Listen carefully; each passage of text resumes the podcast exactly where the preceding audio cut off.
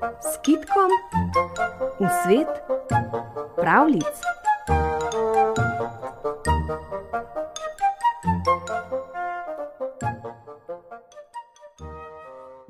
Živel je svoj dni čevljarček, ki je rajši lagal, kakor zabijal žeblje pod plate.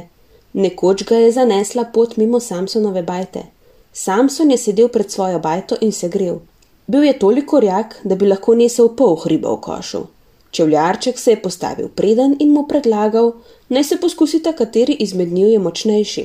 Velikan je debelo pogledal pred likovca in rekel: Ali te je še kje kaj? Ti se hočeš poskusiti z menoj v moči? Kar pridi jutri zjutraj, kamenje bo vas pestmi drobila.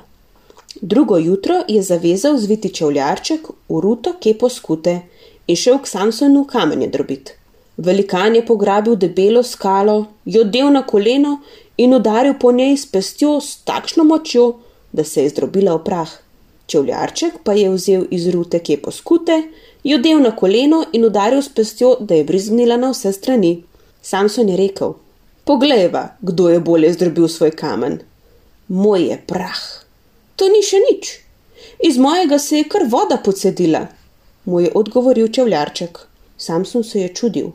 Moža ni nikjer, a močan je le. Jutri se bova izkušala, kdo vrže kamen bolj daleč. Čevljarček si je prinesel drugo jutro vrabca v žepu. Samson je pograbil skalo in jo zabrusil s takšno silo, da bi bilo čevljarčka, ki mu je stal preblizu, skoraj odneslo. Ta pa je vzel iz žepa vrabca in ga izpustil, da je zletel še dal od Samsonove skale, pa sploh izginil nekam za goro. Samsona je jezilo, da ga mali čevljarček prekaša. To, da ni odnehal, rekel je: Jutri greva pa češnje zobat. Drugo jutro sta šla češnje zobat. Samson opogne debelo vejo in obira češnje. Čevljarček pa kar zleze na opognjeno vejo in brez skrbi zoblje. Zdaj si zagleda Samson na drugem vrhu lepše češnje, zato spusti obognjeno vejo. To da joj, frf, je smuknila vejo v zrak in z njo je odletel tudi čevljarček, ki je sedel na njej. Padel je na tla on stran plota, prav pred staro ženico, ki je šla po poti.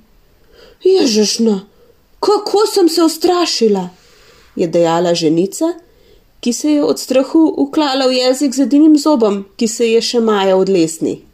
Na to je začudeno vprašala: Prijatelj, odkot ste prišli? Naravnost iz nebes, je rekel čevljarček. Jehata, iz nebes? se je čudila ženica in se pokrižala. Potem ste pa gori videli mojega rankega Matevža. Kako se mu kaj godi? Dan danes je povsod slabo, je rekel čeljaček. V nebesih še celo, ker je gori že preveč ljudi in nimajo kaj jesti. Vaš Matevž je že bolj star, zato ga drugi še lažje odrivajo.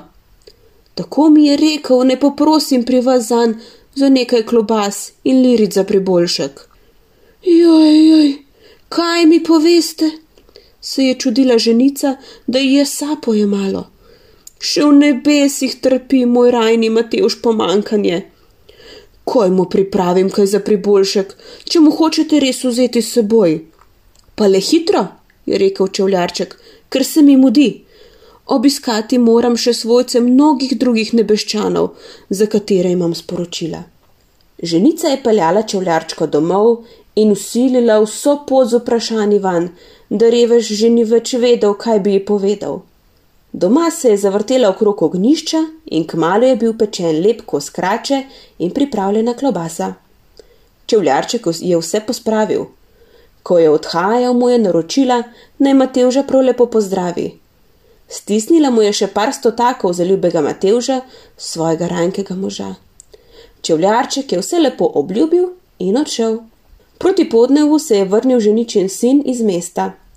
Ona mu je povedala, kakšen nepričakovan obisk je imela in kako je poslala svojemu rajnemu Matevžu nekaj klobas, krač in denarja. Sin je spoznal, da jo je nebeški odposlanec prav pošteno potegnil. Zajahal je konja in odhitel po cesti za njim. Ko je bil čevljarček že daleč, je začel, da jezdi nekdo za njim. Skočil je kraj ceste, snil klobuk z glave in ga tiščal k tlom, kakor bi nekaj skrival. Ženičin sin je prijezdil mimo in ga vprašal: Ali čepite že dolgo časa tu ob cesti?